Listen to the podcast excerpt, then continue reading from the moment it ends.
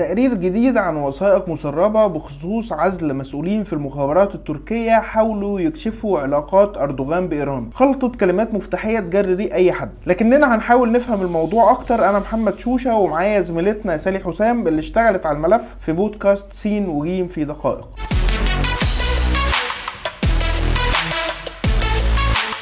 سالي إيه الموضوع ده؟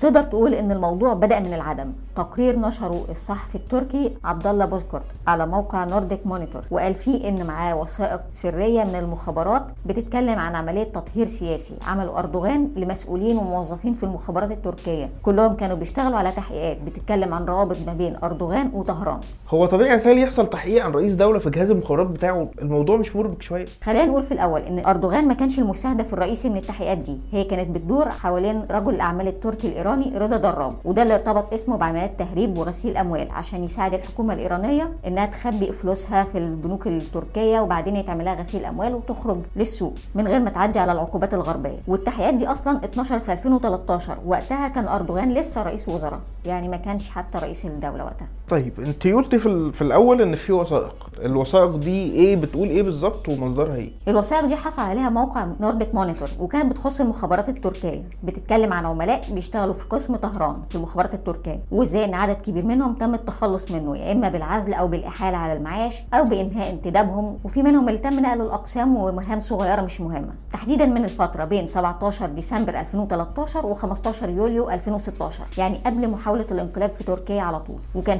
منهم 81 عميل استخباراتي تم نقلهم لمهام صغيرة. وفي 84 منقولين من الشرطة والجيش وتم إنهاء انتدابهم. و13 واحد تم إنهاء أعمالهم خالص. لكن بعد محاولة الانقلاب في 2016 وإعلان حالة الطوارئ تم رفض حوالي 377 موظف من المخابرات التركية بسهولة. ودي حاجة ما كانتش هتحصل بسهولة في قوانين العمل التركية اللي بتصعب العملية بتاعه رفض الموظف في الحكومة.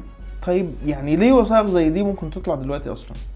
خلينا متفقين إن في فعلا عمليات تطهير لأجهزة الدولة في تركيا لأي حد معارض لأردوغان. الكلام كان واضح بعد محاولة الانقلاب العسكري في 2016 وكمل لسنين بعدها. لكن دلوقتي سهل إن أنت تربط ما بين توقيت النشر الوثائق ديت وما بين قرب ميعاد الانتخابات الرئاسية التركيه في 2023 خصوصا إن الصحفي المسؤول عن نشر الوثائق كان رئيس تحرير جريدة زمان التركية ودي جريدة معارضة عمرها أصلا ما نشرت خبر إيجابي عن أردوغان والصحفي ده دلوقتي عايش في المنفى. طيب بالتفاصيل دي أنا إزاي أقدر أثق في الوثائق اللي انت بتتكلمي عنها يا سيدي. هي في النهاية وثائق مسربة فما فيش وسيلة محايدة نتأكد بيها إلا المصدر نفسه اللي هو نشرها. لكن لو قدرت تعمل سيرش هتلاقي إقالات كبيرة في المخابرات التركيه وغيرها من أجهزة الدولة في الوقت ده تحديدا. شكرا يا سالي وشكرا لوقتكم مستمعينا الأعزاء. كان معاكم محمد شوشة وسالي حسام في بودكاست سين وجيم في دقائق.